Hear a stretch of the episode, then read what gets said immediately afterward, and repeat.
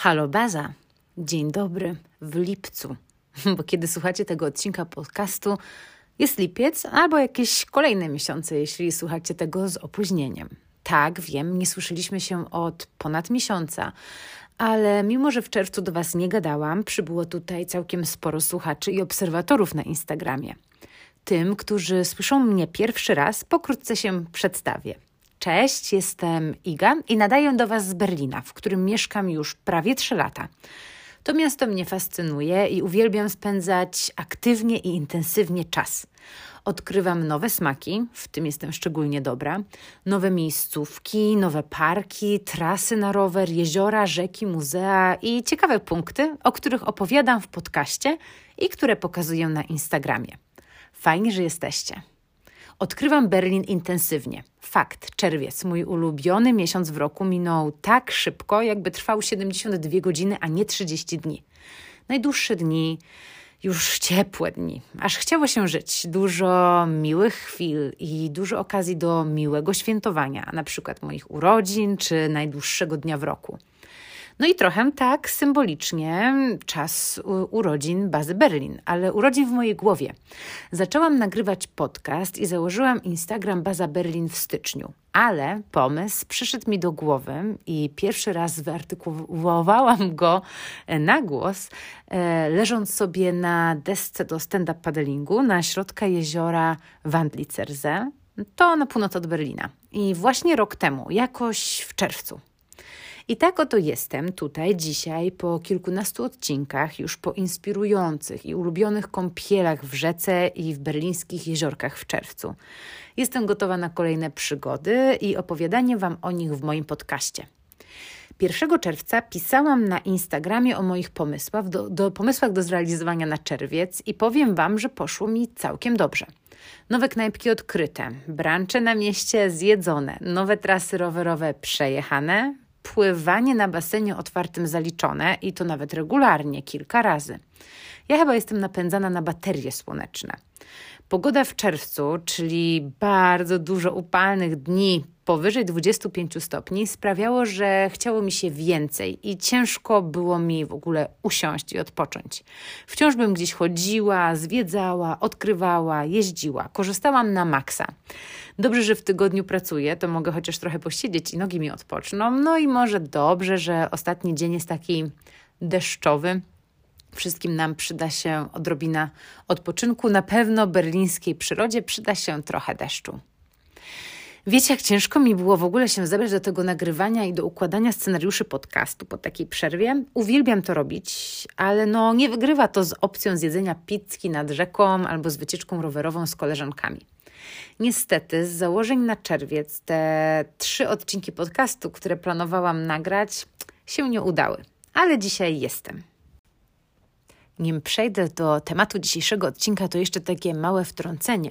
To jest mój ostatni odcinek nagrywany, mam nadzieję, nagrywany do skarpety, którą nakładam na telefon. Na urodziny dostałam profesjonalny mikrofon do nagrywania podcastów. Pokazywałam Wam już go na Instagramie Baza Berlin. I myślę, że od następnego odcinka przerzucę się już na ten bardziej profesjonalny sprzęt. Mam nadzieję, że jakość podcastów będzie lepsza, będzie się Wam ich przyjemniej słuchało i bardzo się cieszę, że będę mogła wypróbować czegoś nowego, chociaż mam małe obawy, bo z techniką nie zawsze mi jest tak po drodze, ale podobno jest to bardzo prosta sprawa E, więc zamierzam przyjrzeć się temu mikrofonowi w najbliższych dniach i od kolejnego odcinka zobaczymy. Może jakość dźwięku będzie jeszcze lepsza. Ok, ale przechodząc już do meritum. Dzisiejszy odcinek zapowiadałam jakiś czas temu. Kto z Was słuchał odcinka 14 o okręgach administracyjnych i dzielnicach Berlina? Jeśli jeszcze nie słuchaliście, to koniecznie do niego wróćcie. Może nawet zatrzymajcie moją paplaninę teraz i zacznijcie od 14 odcinka, a potem wróćcie do tego dzisiejszego gadania. W czternastym odcinku opisywałam pokrótce wszystkie mm, części Berlina, taki przegląd okręgów administracyjnych i najważniejszych dzielnic. Odcinek ten miał być wstępem do nagrywania moich subiektywnych audioprzewodników, pełnych polecajek, ulubionych miejsc na poszczególnych dzielnicach. No i właśnie dzisiaj, na pierwszy rzut, chciałabym zacząć od dzielnicy Wedding i trochę poruszyć temat dzielnicy Gesundbrunnen. Połączyłam je sobie w jedną całość w tej opowieści, bo mieszkam trochę na styku obu dzielnic. Obie znajdują się w okręgu administracyjnym Mitte i są położone całkiem centralnie, hm, może w takiej bardziej północnej części Berlina, północno-centralnej.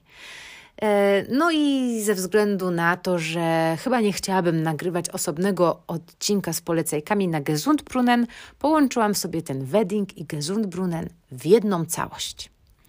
Na dobry początek, może kilka słów o samych dzielnicach, może trochę o ich historii. To odkrywanie szczegółów historii mm, to jest jeszcze przede mną.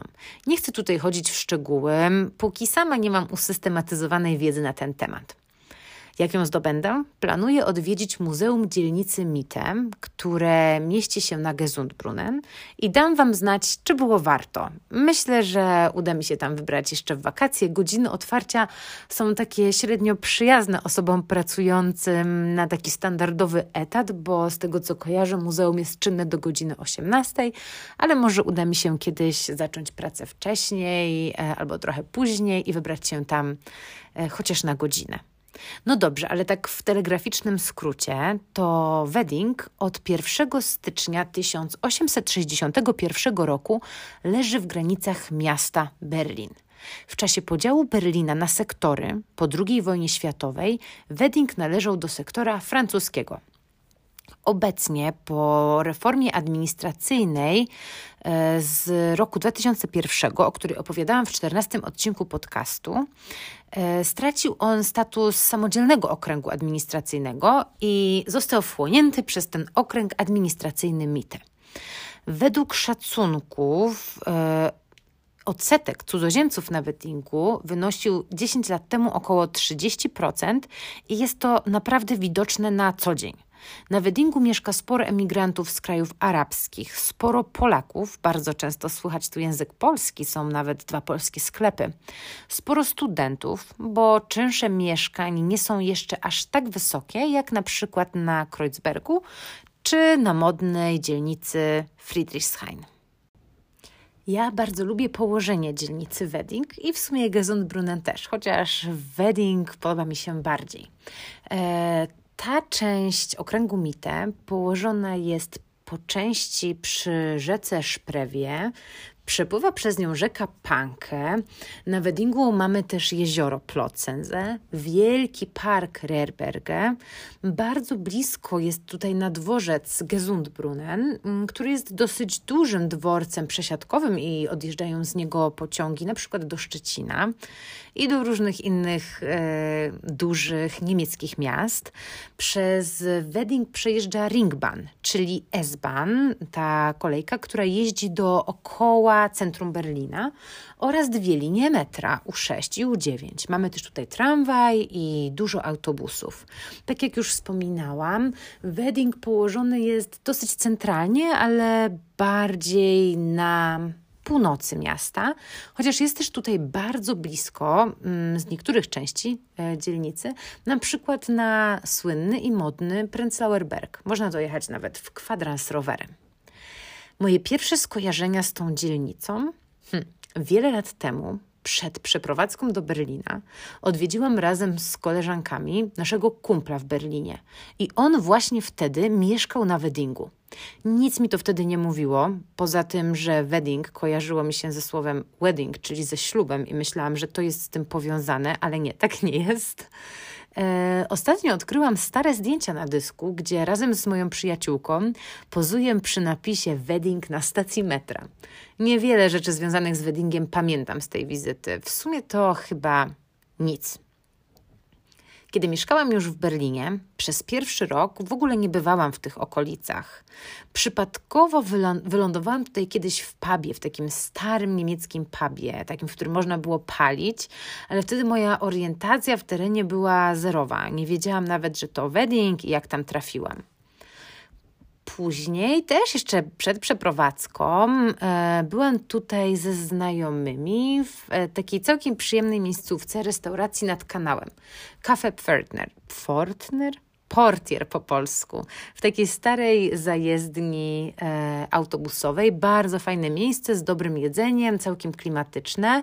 Przed restauracją stoi taki słynny stary autobus.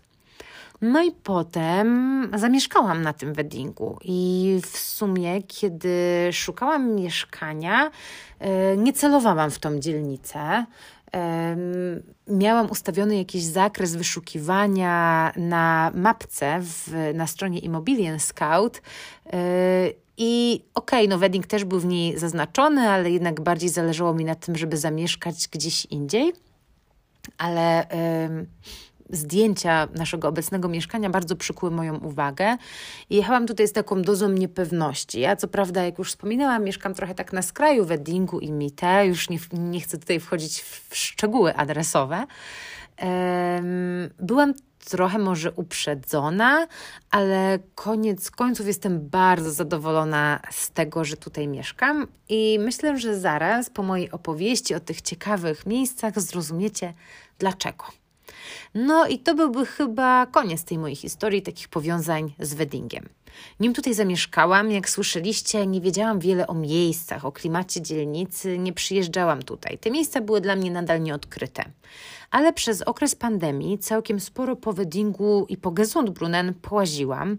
Dość często po pracy wybieram się też na spacer, na szybką kolację na mieście, na rower i właśnie wtedy, w tygodniu, często stawiam na odkrywanie okolicy. Zaskoczyło mnie pełno świetnych, interesujących klimatycznych miejsc. Mniej zatłoczonych niż Prenzlauer Berg i Neukölln i Kreuzberg, często bardziej autentycznych, czasem bardziej swojskich i takich lokalsowych. Na Weddingu obserwujemy też zjawisko gentryfikacji. Różne grupy społeczne się przenikają. Stare, opuszczone fabryki zamieniają się w ciekawe kulturalnie miejsca. Sporo tutaj niszowych galerii sztuki, księgarni, kawiarni. Pomiędzy budkami z kebabem czy starymi knajpami. Mieszkam tutaj półtorej roku, no prawie dwa lata i widzę, że powstaje tego coraz więcej, z miesiąca na miesiąc. Nawet pandemia nie powstrzymała tego wzrostu. Zjawisko gentryfikacji związane jest też z tym, że mm, inne części Berlina są już bardzo zasiedlone, zapełnione i są po prostu coraz droższe. Ludzi nie zawsze stać na to, a nawet jeśli ich stać, to mieszkanie na Prenzlauer Bergu czy Kreuzbergu jest dostać bardzo ciężko więc przenoszą się na inne dzielnice i tutaj też potrzebują i chcą mieć fajną infrastrukturę, fajne kawiarnie, fajne miejsca i to wszystko po prostu zaczyna się przenosić i rozszerzać. Inne dzielnice, inne rejony miasta stają się coraz bardziej popularne. Wedding dzieli się jak każda dzielnica, na mniejsze części, keys. Na każdej z nich jest sporo do zobaczenia. Dołożę do tego fragmenty Gesundbrunnen i w ogóle będę mogła już mówić bez końca. Zastanawiałam się, jak nadać temu odcinkowi jakiejś takiej formy, żeby się nie pogubić i żeby przekazać Wam jak najwięcej. I zdecydowałam, że opowiem po prostu o kilku częściach dzielnicy i o tym, co charakterystycznego na nich zobaczycie, i gdzie zjecie coś pysznego, mm, gdzie warto iść, na co warto zwrócić uwagę. No dobra, to zaczynam. Pierwsza część, o której chciałabym opowiedzieć, to Sprenger Kids. Położona jest hmm, między stacją metra U6 i Ringbany, stacją Wedding, a stacją metra U9 Amrumenstrasse. To tak orientacyjnie. Sprenger Kids leży nad rzeką Szprewą. Jest tam wiele jeszcze niezagospodarowanych terenów, co nie przeszkadza setkom osób w piękny dzień chillować nad brzegiem rzeki z piwkiem i jedzeniem na wynos. Widok może nie jest najpiękniejszy, bo po drugiej stronie rzeki rozpościerają się industrialne przestrzenie, fabryki, um, takie fragmenty portu, ale patrząc na wodę i przepływające stateczki jest i tak pięknie. Mini pas z wylanym asfaltem, gdzie nie można jeździć samochodem wzdłuż rzeki, to super opcja do ćwiczenia jazdy na rolkach czy na deskorolce. Ja próbowałam kilka razy i no, jest to dosłownie kilkadziesiąt metrów, ale jest tam zdecydowanie mniej ludzi niż na przykład na Tempelhoferfeld, więc dla mnie, osoby zupełnie początkującej, to, to było fajne miejsce, żeby pojeździć sobie tak w tył i w przód na tej deskorolce kilka razy. Na Sprengel Kids mieściła się kiedyś fabryka samolotów. w latach dwudziestych, z tego co pamiętam. Teraz jest zburzona i na jej miejscu, na tej dużej przestrzeni jest park, taki teren rekreacyjny bardziej. Mini skatepark, boiska, place zabaw. Na Sprengel Kids mieści się też budynek Instytutu Roberta Kocha, przed którym często stoją samochody z kamerami i tworzone były pewnie relacje nawiązujące do ogłoszeń związanych z koronawirusem. Jaki jest klimat tej części dzielnicy? Stare kamienice piękne, często odrestaurowane. Tak naprawdę to są takie kamienice jak na Prenzlauer Bergu i jest tam bardzo urokliwie i bardzo klimatycznie, jednak o wiele bardziej lokalnie. Ludzie po prostu nie znają jeszcze tego Firtla, nie znają jeszcze tej części miasta i e, turyści tutaj nie przyjeżdżają, żeby spędzić swoje popołudnie i poczuć atmosferę Berlina. Na Sprengel Kids jest sporo dobrych miejsc z jedzeniem, z czego bardzo się cieszę, bo mam tutaj rzut beretem i często latem przychodzimy tutaj na kolację. Jest wiele przyjemnych ogródków, mało ruchliwych ulic i brak tłumów. No to nie jest najbardziej hipsterski rejon w Berlinie, ale dlatego moim zdaniem super właśnie tam połazić. No to co zjeść? Hm.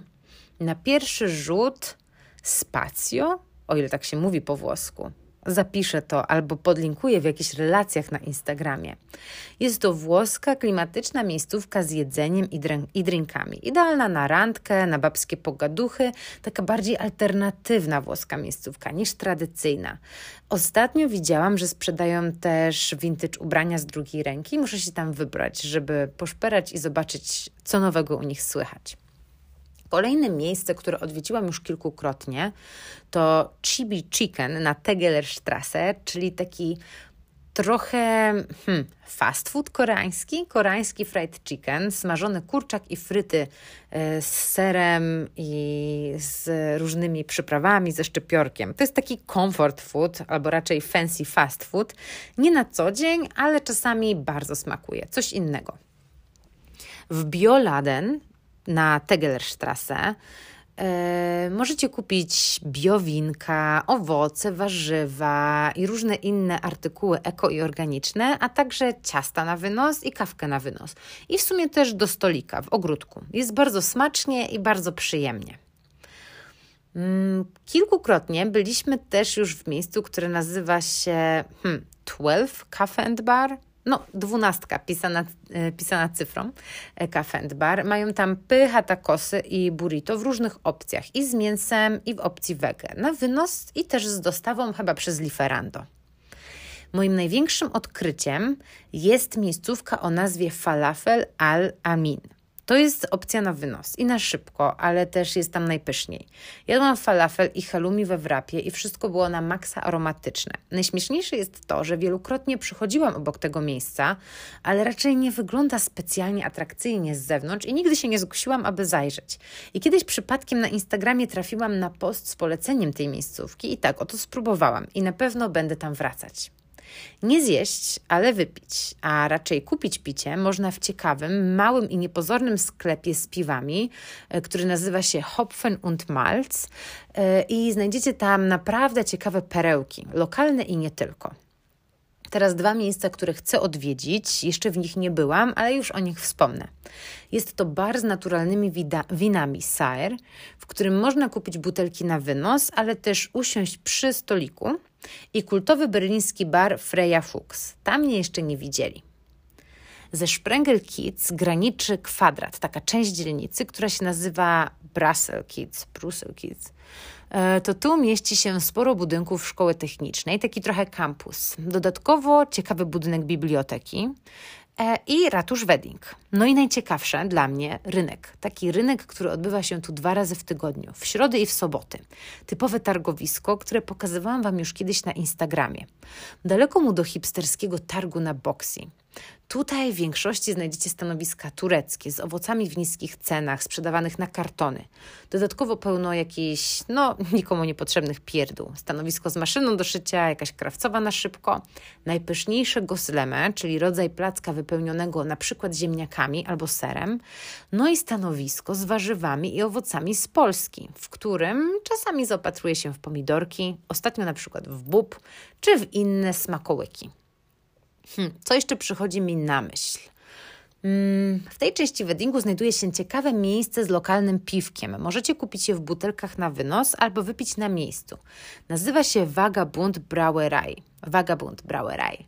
Mają bardzo charakterystyczne i kolorowe etykietki na butelkach, a ich browar można kupić czasami w Edece, w berlińskich kioskach i nawet w tej aplikacji do zakupów Gorillas. Na skraju Brussels Kids, przy Zesztrasę znajduje się też ponoć świetna chińska restauracja Leis. Jadłam, ale nie mnie oceniać, bo nie przepadam za chińską kuchnią i tak naprawdę nie mam żadnego porównania. O, jeszcze na Müllerstrasse, ale też po tej części dzielnicy znajduje się Imbis Safari, schowany pomiędzy sklepami i między kolorowymi szyldami. Polecam wziąć wrapa z pieczonymi warzywami i z halumi, z orzechowym sosem na wynos. Jest bardzo aromatycznie i bardzo, bardzo pysznie. Wspomniana już przeze mnie Zestrasse oraz Müllerstrasse czyli ulica, która przechodzi w sumie przez środek dzielnicy Wedding i to pod nią jedzie linia metra U6 przez kilka przystanków. Te dwie ulice wyznaczają kolejny kwadrat, kolejną część, czyli Afrikanische Viertel. Wiele ulic ma w tej części e, miasta nazwy związane z Afryką, z, zwłaszcza z jej częściami, które podlegały niemieckiej kolonizacji. Kongostrasse, Ghanastrasse, Togostrasse, Guineastrasse, ale także ulice nazwane na cześć kolonizatorów. Gdzieś trafiłam na informację, że przed I wojną światową istniał pomysł stworzenia w tej okolicy zoo z różnymi egzotycznymi gatunkami zwierząt oraz ludzkiego zoo, z przedstawicielami innych niż aryjska ras ludzkich, osób właśnie pochodzących z terenów skolonializowanych. Temat nazewnictwa tych ulic spotkał się później z wieloma kontrowersjami. Z tego co czytałam, niektóre nazwy ulic zostały zmienione w ciągu ostatnich 30 lat. W dzielnicy mieszka sporo emigrantów afrykańskiego pochodzenia.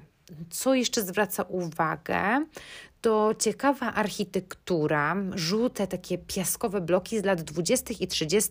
XX wieku i sporo zieleni pomiędzy.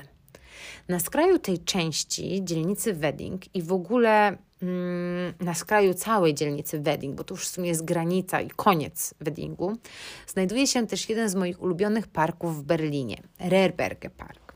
Lubię go latem i wiosną, i jesienią, i w sumie zimą. Chodziliśmy tam na długie spacery z pieskiem, który, którym trochę się opiekowaliśmy latem rok temu. Czasami chodzimy tam pograć we frisbee albo w badmintona, chociaż częściej to mój chłopak gra z kumplem, a ja wtedy z kumpelą łażę sobie dookoła parku. W Reberge ukryte jest też kino na świeżym powietrzu. Park ma trochę dzikich terenów, łąk, miejsc na piknik, mini zagrodę ze zwierzętami, chyba z dzikami i sarnami, o ile dobrze pamiętam. Został stworzony w latach 20. XX wieku i jest jedną z największych przestrzeni zielonych w tej części miasta. Swoje ciekawe ukształtowanie terenu zawdzięcza temu, że jest e, obszarem polodowcowym. Z granicy, graniczy jedna z moich ulubionych dzielnicowych atrakcji, którą już nie jeden raz pokazywałam na Instagramie Baza Berlin. Mowa tutaj oczywiście o jeziorze Plotzense i o plaży miejskiej. Powierzchnia jeziorka Plotzense wynosi niecałe 8 hektarów. To jest mały zbiornik wodny. Maksymalna głębokość to około 6 metrów. To dość małe jeziorko, ale dzięki temu woda całkiem szybko się nagrzewa. I na przykład 9 czerwca, czyli no, na początku tych upałów, w moje urodziny, było już całkiem ciepło i pół dnia spędziłam tam w wodzie. Plotzense to jest w ogóle mm, ciekawe kąpielisko. Y, taki y, plaża. Z, na plaży mieści się bardzo ciekawy architektonicznie budynek, który, który powstał w latach dwudziestych. Następnie w latach 1952 do 54 został przebudowany. E, ma taki charakterystyczny, fajny klimacik. Polecam zobaczyć. Teren jest zamknięty. Bilet kosztuje 7 euro, a po godzinie 19 4 euro, chociaż tam jest zamota i z tego co wiem, czasami trzeba zapłacić 7 euro nawet po 19, ale można na przykład ten kupon wykorzystać na zakup jedzenia na plaży. Te reguły się zmieniają, więc może nie sugerujcie się dokładnie tym, co teraz mówię, tylko sprawdźcie przed wizytą. Do godziny 20 na tej strzeżonej plaży można pływać. Jest tam ratownik. Potem, no niestety, wszystko jest zamykane i już oficjalnie nie można sobie wejść do wody, ale na plaży można zostać, można pochillować, napić się drinka, piwka, zjeść, zjeść pizzę, zjeść lody. Można też wypożyczyć, ale to przed 20, e, deseczkę e, do stand-up paddlingu, chociaż tam to chyba raczej tak dla zabawy, bo to jezioro jest naprawdę małe i no nie ma tam gdzie odkrywać jakichś ładnych terenów e, i pływać sobie na desce. Są place zabaw, jest kemping, jest nawet strefa FKK, czyli e, dla nudystów. Kąpielisko znajduje się po jednej stronie jeziora, a druga ogrodzona jest płotem i posadzone są wokół niej drzewa. Jednak to nie powstrzymuje setek osób przed kąpaniem się w wodzie na nielegalu. No w sumie bardziej bez opieki ratownika. Przez płotek można przejść z łatwością, bo to jest taki niski płotek i znajdzie się tam całkiem sporo względnych wejść do wody. Skorzystałam na wieczorne pływanie i jak dla mnie było ok, ale niech już każdy sam oceni, jaki poziom nieprzestrzegania reguł jest dla niego w porządku. Ostatnio odkryłam też ciekawą miejscówkę nad Plotzense. Ciężko opisać ją słowami, więc zapraszam Was na Instagrama Baza Berlin, bo zdjęcie lepiej odda klimat. To jest stara wypożyczalnia łódek i rowerów wodnych. E, I możecie tam też napić się piwa, zjeść coś, chociaż menu było takie no trochę podejrzane. Wiecie, coś na zasadzie klopsa w bułce, obsługa jest taka typowo berlińska, jak to się często tutaj mówi, więc może nie do końca sympatyczna, ale miejsce ma taki charakterystyczny e, klimat. I widziałam tam jeden z najpiękniejszych zachodów słońca nad jeziorem w Berlinie. W sumie nie wiem, czemu w tygodniu jest tam tak mało ludzi, bo miejsce jest naprawdę klimatyczne i wyjątkowe. Muszę tam wrócić. No dobrze, ale gdzie zjeść w tej części na weddingu? Bo jedzenie jest przecież najważniejsze. A więc na plaży Plotzense ponoć mają super pizzkę. Nie próbowałam, ale pachniała ekstra. Ja uwielbiam falafel albo halloumi w takiej kultowej trochę już miejscówce, która nazywa się Fonicja. I za 3 euro wpijcie ze świeżymi warzywami i super sosem zjecie coś naprawdę dobrego. Niepozorne, ale ciekawe, zupełnie hipsterskie, ale bardzo dobre. Są też śniadania w Ice Cafe Kibo. Mają tutaj gofry z owocami i z musem jabłkowym, a to już pierwszy i najważniejszy powód, żeby to miejsce polubić i do niego wrócić, więc tak też zrobiłam kilka razy. Kolejnym fyrtlem na weddingu jest angielski fyrtel, czyli Englisches Viertel, który znam najmniej, bo mam tutaj dosyć daleko i jakoś, no nie wiem, nic mnie nie przyciąga w te rejony. Znany punkt, Schiller Park, nie przyciągnął mojej uwagi i nie poszłabym tam specjalnie na spacer. Byłam raz. Jedyne, co tak naprawdę kojarzę z tej dzielnicy, to jedno z modernistycznych osiedli międzywojennych, które w, 2000, w 2008 roku zostały dodane na listę UNESCO. I to akurat bardzo polecam Wam na spacer. Ciekawa architektura, ceglane budynki, takie charakterystyczne balkony i zabudowa. Świetne miejsce i polecam połączyć sobie to ze spacerem do drugiego z tych y, osiedli, do Weissestadt na Reinickendorfer, na dzielnicy Reinickendorfer.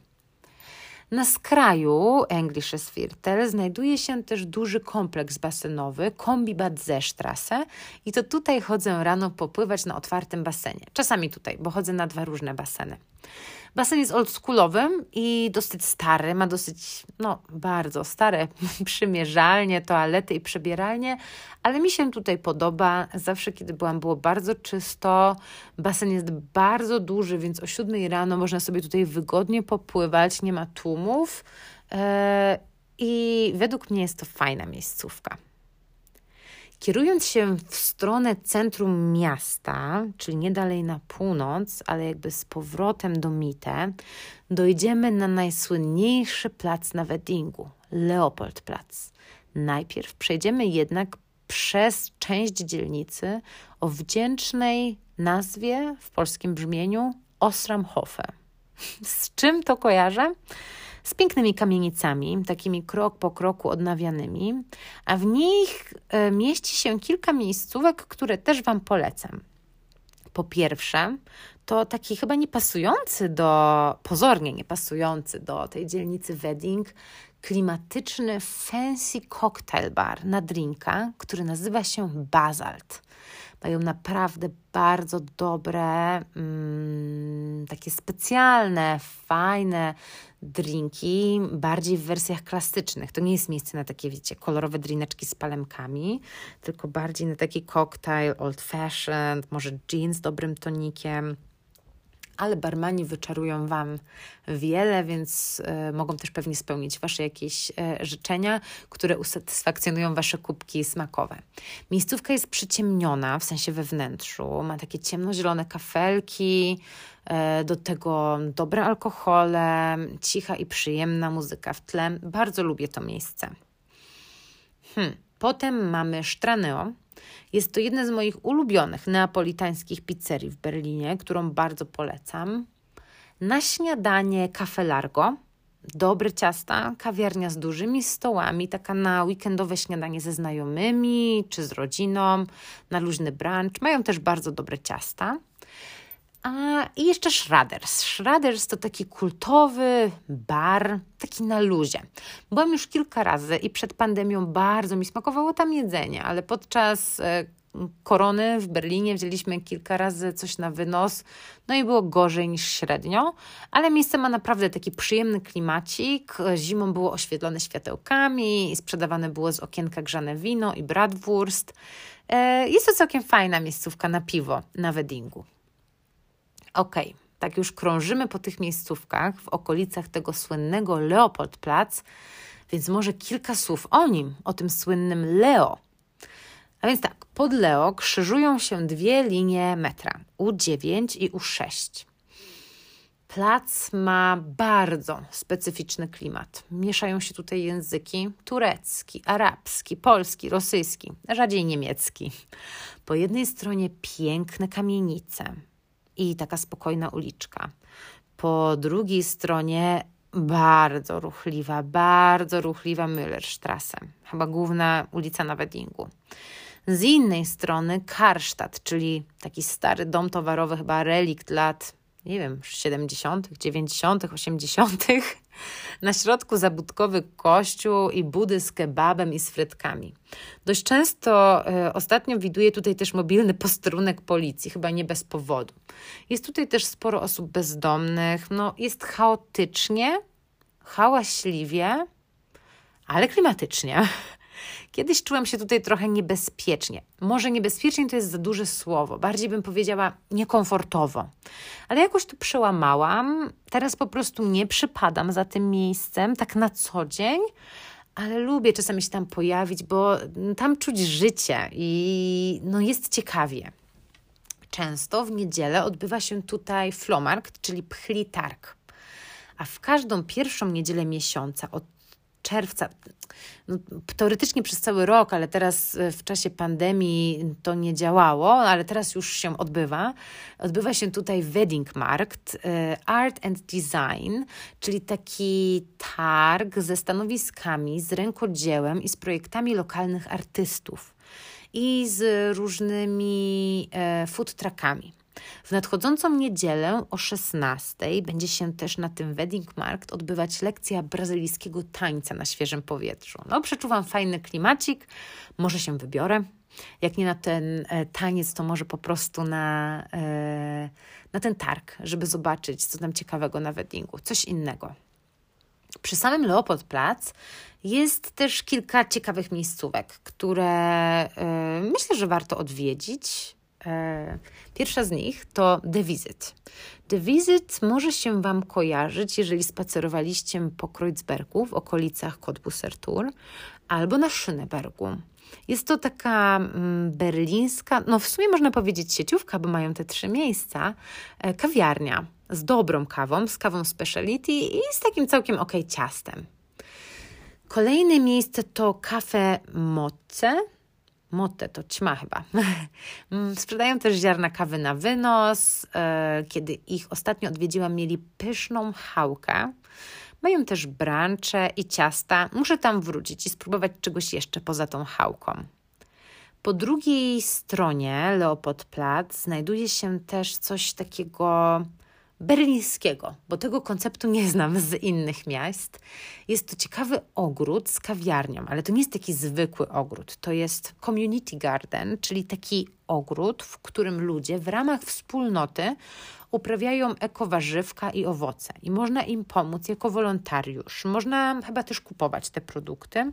Wszystko jest eko, wszystko jest organiczne. W ogrodzie można się też napić kawy, chyba piwka i coś zjeść. I rzeczy, które tam serwują, są po części wykonane właśnie z produktów, które są w tym ogrodzie uprawione, uprawnia, uprawiane.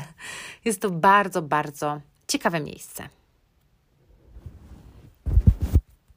Ogród, o którym właśnie opowiadałam, znajduje się w takiej małej części dzielnicy Wedding, która nazywa się Anton Keats. Jest to taki niepozorny trójkąt wyznaczony przez trzy stacje metra. Wedding, Leopoldplatz i Nauner, Naunerplatz. Na pozór po prostu bloki, kamienice i nic, ale kilka miejsc, oczywiście głównie z jedzeniem, mogę Wam polecić, e, bo zwracają uwagę. Są po prostu ciekawe. Pierwsze z nich to Dantai, E, jest to takie lokalsowe tajskie jedzonko mm, przy Reinickendorfer Strasse. Nie spodziewajcie się restauracji, mm, spodziewajcie się takiej lokalsowej miejscówki. Gotuje e, starsza pani, taka tajska babcia, i gotuje naprawdę całym swoim sercem. Są tylko trzy stoliki. Tak, tylko trzy stoliki byłam tam w tym tygodniu i to są takie, wiecie, plastikowe stoły, krzesła z obrusem z ceratą. Menu ostatnio było przypięte takim, na takim sznurku plastikowym, na takiej tasiemce do jednego krzesła i no nie przyciąga. Miejsce naprawdę nie przyciąga e, wizualnie. E, do końca nie wiesz, co dostaniesz, nie wiesz, kiedy to dostaniesz, kiedy to zamówisz. E, kolejność wydawania dań jest bardzo przypadkowa i ja jeszcze nie rozgryzłam, jaki system panuje w tej miejscówce, ale no nie bez przyczyny jest tam zazwyczaj kolejka i jest tam naprawdę dużo osób, bo jedzenie jest po prostu przepyszne pad thai z krewetkami, ale taki no od serca, z dużą ilością dodatków, orzeszków, z limonką, świeży, aromatyczny, cudowny, ogromna porcja, najlepszy pad thai, jaki jadłam w życiu. Zaznaczam, nie byłam w Tajlandii. Kosztuje 7 euro, czy nawet 6,50 jest po prostu pycha. Jeśli jesteście w Berlinie na dłużej i chcecie zobaczyć coś innego, to polecam ale nie nastawiajcie się, że zjecie w restauracji. Kolejne miejsce, zupełnie inne, jeszcze na innym biegunie, to miejscówka Mars i koncept Silent, Silent Green, które mieszczą się w budynku starego krematorium Wedding. Tak, nie przysłyszeliście się, krematorium Wedding. Mars to w sumie restauracja, a Silent Green to taki koncept kulturalny. To krematorium Wedding, przepiękny budynek pod względem architektonicznym, bardzo ciekawy, pomiędzy kamienicami, cmentarzem i blokami, mm, zupełnie się go tam nie spodziewacie, został wybudowany w latach 1909-10, czyli na początku XX wieku, i był pierwszym krematorium w Berlinie. E, doczytałam, że na początku XX wieku kremacja ciał zmarłych, o ile można tak powiedzieć, stała się bardziej popularnym sposobem pochówku w Niemczech. I wtedy zaczęto budować właśnie krematoria. E, nim ten e, budynek tam powstał, teren krematorium był użytkowany jako cmentarz komunalny i obok krematorium nadal mały cmentarz się znajduje. Potem było trochę nieczynne to miejsce. E, I na początku XX wieku postanowiono wybudować tam właśnie krematorium. Kopuła budynku ma 17 metrów wysokości. Kiedyś była salą żałobną, teraz jest sercem budynku. E, w latach 1993-96 krematorium w ogóle zostało rozbudowane i stworzono tam masywną, taką dużą kostnicę e, o bardzo dużej powierzchni roboczej, e, jeśli tak można powiedzieć. Ale kilka lat później miejsce zostało zamknięte na stałe. No i Silent Green Kultur Quartier czyli instytucja kulturalna, która działa tutaj do dzisiaj, rozpoczęła swoją działalność od remontu w roku 2013. E, to budynek krematorium miał i ma status zabytku, więc zachowano jego zewnętrzną architekturę i ten kształt, ale wewnątrz dokonano niezbędnych modyfikacji, tak aby u, można było w tym budynku robić inne rzeczy, żeby ułatwić jego funkcjonowanie. I pierwsze wydarzenia kulturalne, z tego co czytałam, zaczęły się tam dziać jakieś 6 lat temu, już w odrestaurowanym budynku. W ogrodzie Silent Green odbywają się latem koncerty. Wypatrzyłam nawet, że ostatniego dnia lipca w tym roku zagra tutaj polska pianistka i kompozytorka Hania Rani. Restauracja Mars, restauracja Mars, która mieści się w murach krematorium, serwuje przepyszne lunche w weekendy brunche, ale tego jeszcze nie próbowałam. Ogród, w którym latem można zjeść lunch, jest wbrew pozorom bardzo klimatycznym miejscem.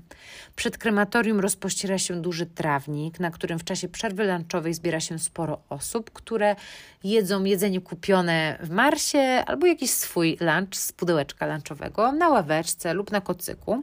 A przed bramą, która stoi przy samym wejściu tego terenu, na teren krematorium, w małym budynku mieści się Little Mars, w którym kupicie ciacho, kawę i przekąskę na wynos. Zimą można było kupić tutaj grzane wino.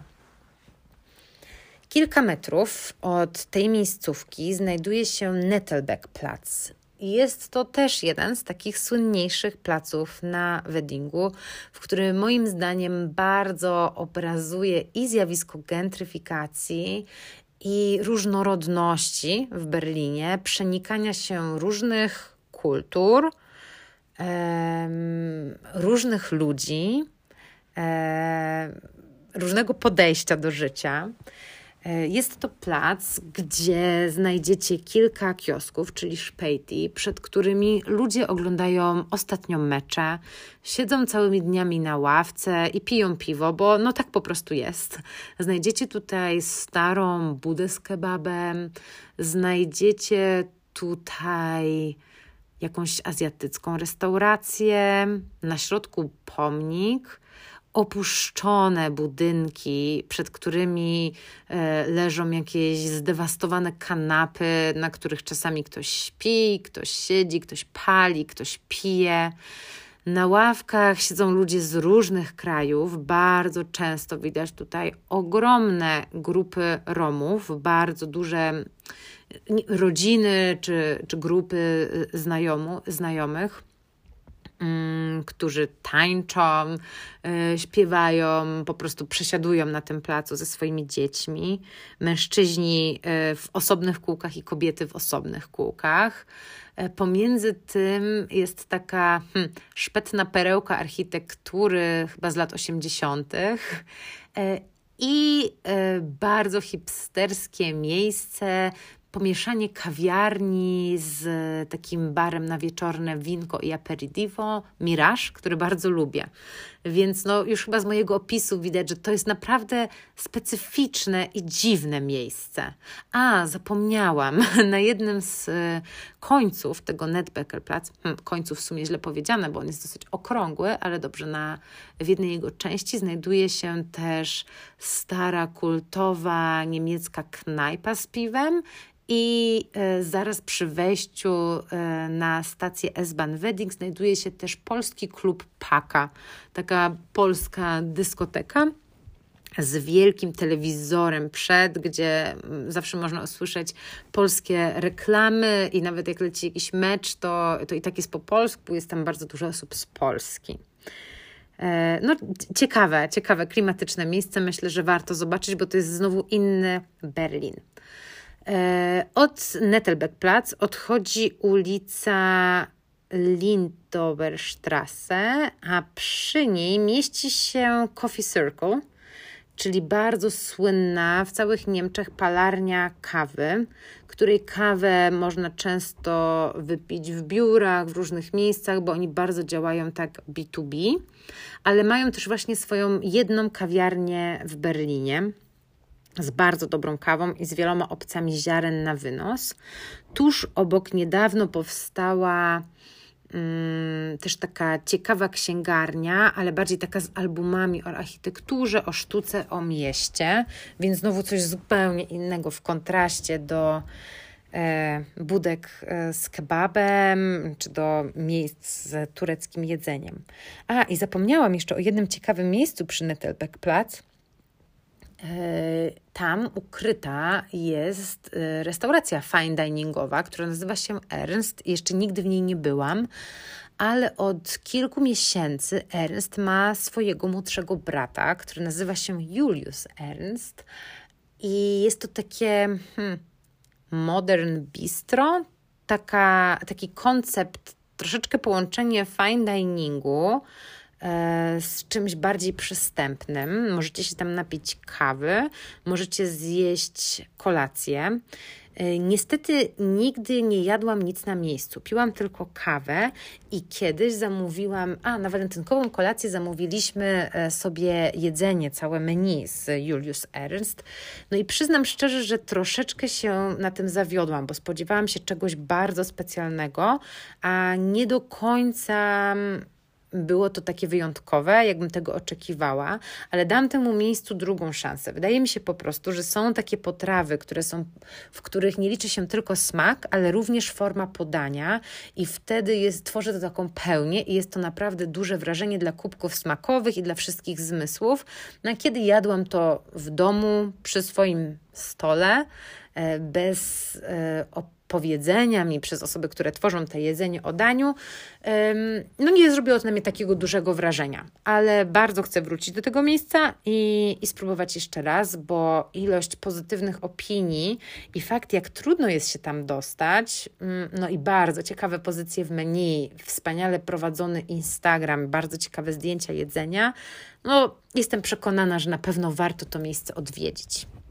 Więc dam Wam znać, jak tam moje wrażenia po kolejnej wizycie. Tak jak wspomniałam na samym początku tej mojej paplaniny, już chyba ponad półgodzinnej, opowiem Wam dzisiaj też o części Gesundbrunnen, która z Weddingiem graniczy. Bo tak naprawdę, wiecie, no to jesteście na jednej stronie ulicy na Weddingu, na drugiej na Gesundbrunnen i nie musimy tego aż tak mocno dzielić. No i to są na przykład okolice rzeczki Panke w sąsiedztwie parku Humboldthain. Gesundbrunnen to teoretycznie jest osobna dzielnica, ale tak jak mówiłam, dzisiaj zestawiam sobie to wszystko w jedną całość. Hmm. Ciekawe miejsca, pierwsze, które przychodzą mi na myśl, blisko Weddingu, ale to już chyba jest oficjalnie Gesundbrunnen, chociaż może się mylę, to burgerownia Louis Alphons z pysznymi burgerami, chyba moimi ulubionymi w Berlinie. Ponoć opcja wegetariańska jest też ok, ale nie jadłam, więc nie wiem. Mają również super frytki i świetne sosy, keczupy i różne inne pyszności, które robią sami i naprawdę bardzo to polecam. E, miejsce ma też bardzo fajny klimat. Można zjeść w środku, można zjeść przed. Jest naprawdę bardzo przyjemny. Drugie super miejsce, uwaga, tym razem nie jedzenie, to fantastyczna kwiaciarnia Pilea Living z cudownymi doniczkami, e, takimi bardzo artystycznymi, oryginalnymi i różnymi dziwnymi, tak, z dziwnymi, oryginalnymi roślinami. Bardzo mi się tam podoba. O, w lipcu jest urlop. Mm, ostatnio byłam tam po kwiatkach, chciałam kupić dla koleżanki na urodziny jakiegoś ładnego kwiata w doniczce i zastanawiam się, co wybiorę spośród tego ogromnego asortymentu. Akurat wyprzedawali wszystkie swoje roślinki, bo wybierali się na dłuższy urlop, ale mam nadzieję, że już niedługo wrócą z powrotem na wedding. Rzeka Panke, którą już wspomniałam, to jest taka słynna rzeczka, która płynie właśnie przez Gesundbrunnen, czy tam przez Wedding yy, i łączy Charlottenburg z dzielnicą Pankow. Hmm, płynie, płynie. To jest taka malutka rzeczka i obok niej mamy różne stare fabryki, przekształcone teraz w, centrum, w centra kultury, w galerię sztuki, w bar punkę na zewnątrz, właśnie przy tym kanale, kanałorzecz, kanałorzeczce. Mieści się też tutaj outlet Kauf dich glücklich, czyli takiego słynnego berlińskiego sklepu, w którym kupicie różne e, ciuchy, biżuterię i buty różnych marek, bardziej sieciowych. I outlet jest czynny trzy dni w tygodniu. Dalej, jeżeli podążalibyśmy wzdłuż rzeki, e, płynie ona między blokami na Weddingu i Gesundbrunnen i potem e, mijamy takie ciekawe tereny e, starych zajezdni. W, w tych okolicach mieści się wspomniana przeze mnie już ta Cafe Pförtner, mieści się też fajny bar na wino Dujardin, mieści się studio Ufer, czyli właśnie w tych starych zajezdniach organizowane są różne na przykład warsztaty taneczne, czasami różne e, targi. E, jest też bardzo ciekawa miejscówka na brunch, która nazywa się Kater und Goldfish. Przed chwilą wspomniałam o Dujardin. Myślę, że tutaj powinnam się na chwilę zatrzymać, bo to miejsce zwróciło moją uwagę nie winem, tylko ciekawą inicjatywą, którą podjęli w czasie pandemii. Otóż e, Właściciele czy tam pracownicy Dujardin stworzyli taką mapkę po Gesundbrunnen, którą można kupić za y, symboliczną kwotę. Już nie pamiętam jak dużo to było, ale to było chyba 3 euro czy 4 euro. I dostaje się mm, taki mały folder, folder, ulotkę z ciekawym opisem Gesundbrunnen i ciekawych miejsc oraz ich historią, które warto zobaczyć. I to wszystko jest opisane w formie takiej trasy spacerowej. Ja się kiedyś po pracy wybrałam na ten spacer i zupełnie inaczej spojrzałam na niektóre budynki, które bardzo często mijałam i nie wiedziałam, że na przykład część Gesundbrunnen była kiedyś uzdrowiskiem, e, a teraz jest opuszczonymi budynkami, albo nie odkryłam takiej interesującej biblioteki w pięknym budynku.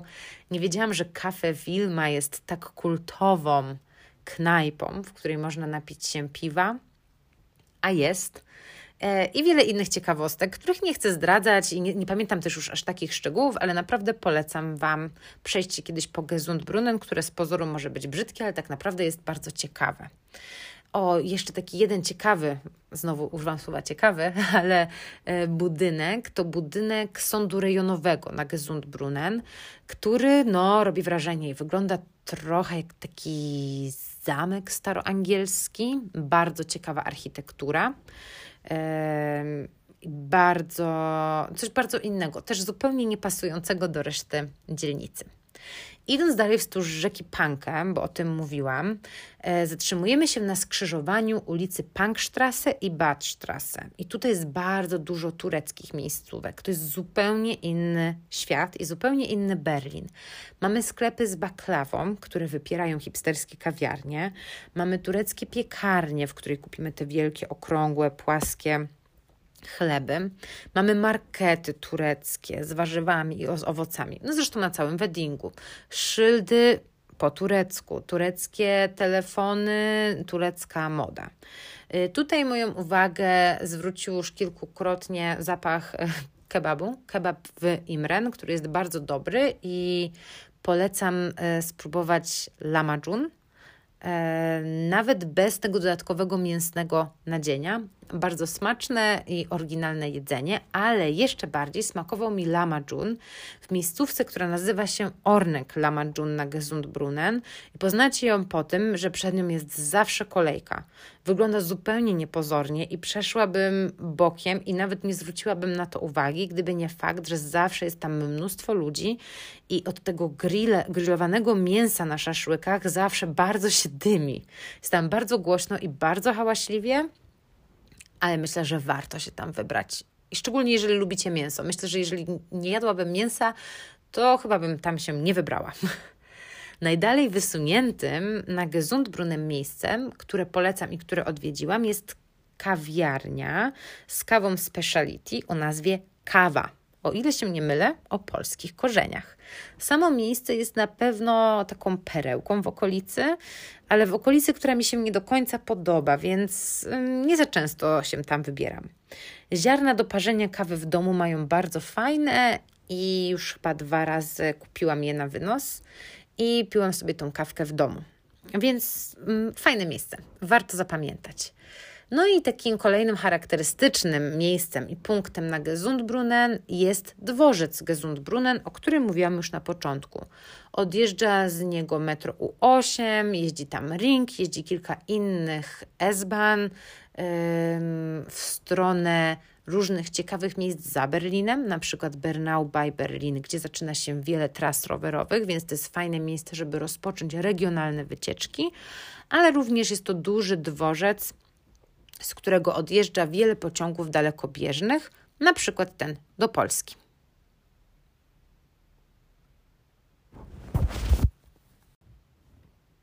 Zupełnie niepasującym do klimatu, mm, takim kontrastującym z tym klimatem miejscem, które chciałabym Wam jeszcze polecić, jest Baldon. Baldon jest to Restauracja, miejscówka na lunch, e, w weekend brunch i kolację, która mieści się w betonowym, interesującym, innym i oryginalnym budynku, w takim brutalistycznym stylu, z bardzo ciekawym ogrodem e, i z ciekawymi takimi kaskadowymi tarasami. Jedzenie w Baldon jest oryginalne inne, bazuje na lokalnych produktach, jest bardzo ciekawe. Jadłam tam dwukrotnie lunch i byłam bardzo zadowolona, bo były to bardzo nieoczywiste połączenia. Arto, autorem, mm, a raczej architektem, który zaprojektował ten budynek, jest Arno Brandlhuber i czytałam, że został wielokrotnie nagradzany za ten projekt. Bardzo polecam przejście tam, jeżeli lubicie taką architekturę i zobaczyć to miejsce, bo jest to coś jest to coś po prostu innego. E, kiedy już pójdziecie do Baldon, to koniecznie wybierzcie się na spacer do parku Humboldt-Hain. E, park jak park, ale są w nim dwa bardzo ciekawe miejsca. Pierwsze jest to darmowy punkt widokowy, który mieści się na górze bunkrów. W ogóle po tych bunkrach e, ludzie się wspinają. Jest tam też taka ścianka wspinaczkowa. E, I dwa bunkry to dwa punkty widokowe, e, z których możecie podziwiać panoramę północnej części miasta. Jest, jeżeli jest bardzo dobry widok, dobra widoczność i dobra pogoda, naprawdę można zobaczyć wiele i robi to wrażenie. No i punkt widokowy jest darmowy.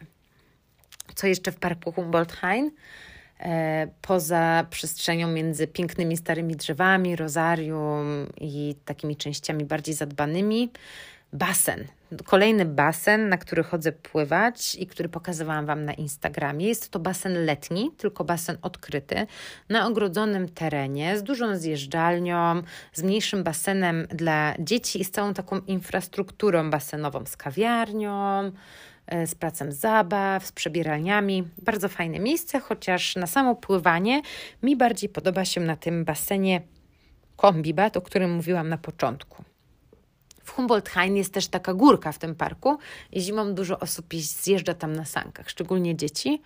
E, zima w Berlinie nie odpuszczała i e, też nie mieliśmy co robić w tej koronie, więc wybraliśmy się tam z chłopakiem na sanki, sanek nie mieliśmy i próbowaliśmy zrobić swoje z opony, którą obklejaliśmy workami na śmieci, żeby się ślizgała i nawet smarowaliśmy to jakimś takim woskiem do butów, żeby tak jeszcze bardziej zjechać.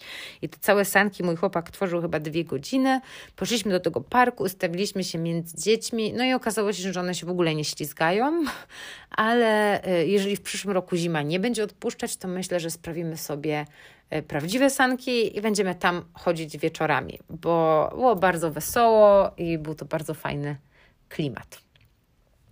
W okolicy tego parku Humboldt-Hain, na Weddingu Gesundbrunnen, w okolicy Gerichtstrasse, mieści się jeszcze jedna miejscówka, którą powinni zanotować sobie teraz wszyscy fani kawy speciality. Jest to Flying Roasters, czyli kolejna palarnia kawy mini kawiarnia, ale skupiają się też na sprzedaży ziaren, kiedyś na warsztatach kawowych. Nie wiem, jak to jest teraz po pandemii. E, mają przepiękne, przepiękne opakowania kawy, e, takie cieniowane fioletowe i każdy rodzaj kawy nazwany jest po innym ptaku. Jest kawa z kolibrem, ze strusiem, z papugą i z różnymi innymi gatunkami miejsce bardzo zwraca uwagę na organiczną uprawę kawy, którą potem wypalają. I kiedyś pisałam o nich kilka słów na Instagramie. To był chyba jeden z moich pierwszych postów. Jeszcze jedną ciekawą miejscówką, która jest odwiedzana przez tłumy, która jest bardzo popularna i widzę to bardzo często, kiedy spaceruję po okolicy, jest Sotto. Sotto jest to restauracja, z tego co pamiętam, włosko-fińska, ale wegańsko-wegetariańska i słyną głównie z pizzy. Fakt, ile jest tam osób, ile osób czeka w kolejce i jak często ciężko jest upolować stolik, a nie jest to żadna restauracja fine diningowa, tylko restauracja o normalnie przystępnych cenach, świadczy o tym, że wiele osób to miejsce uwielbia. Personalnie nie jestem aż taką wielką fanką. Wiem, że to dosyć kontrowersyjne, bo nie znam innej osoby poza mną i moim chłopakiem, no dobra, jeszcze moje kumpele, które tam były ze mną, którzy aż tak się nie zakochali w Soto. Dałam trzy szanse. Może jeszcze kiedyś wrócę, ale myślę, że na Weddingu i na Gesundbrunnen jest wiele innych ciekawych miejsc, w których można zjeść pizzę albo inne przysmaki. No i moi drodzy, to by było chyba na tyle tej opowieści o Weddingu i o Gesundbrunnen.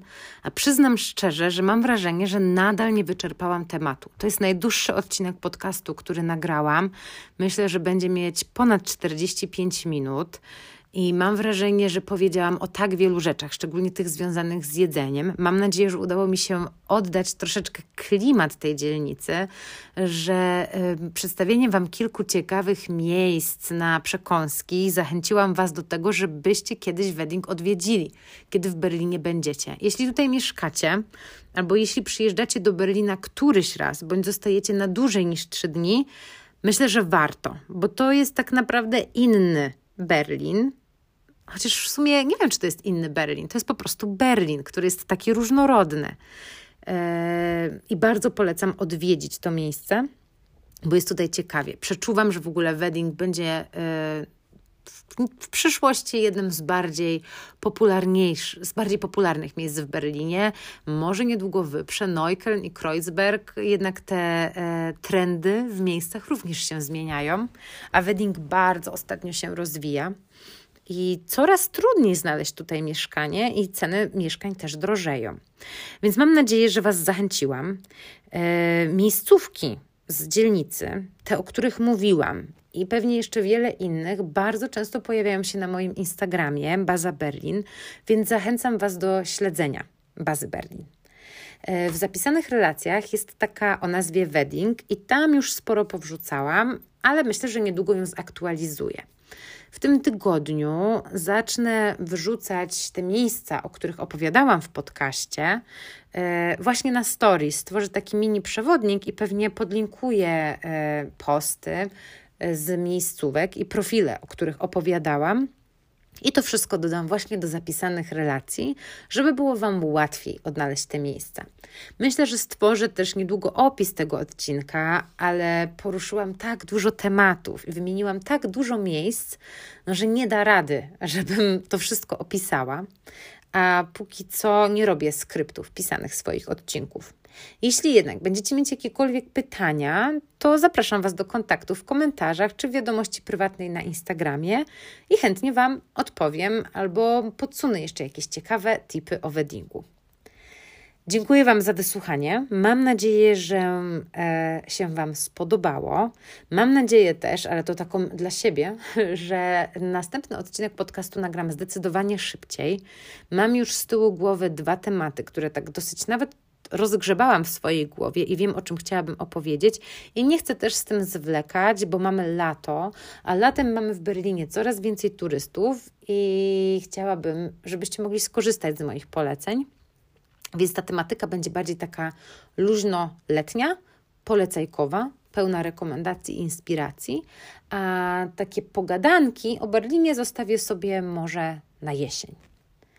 Życzę Wam miłego dnia i zapraszam do odwiedzania bazy Berlin na Instagramie i do słuchania zaległych odcinków, jeśli jeszcze tego nie zrobiliście.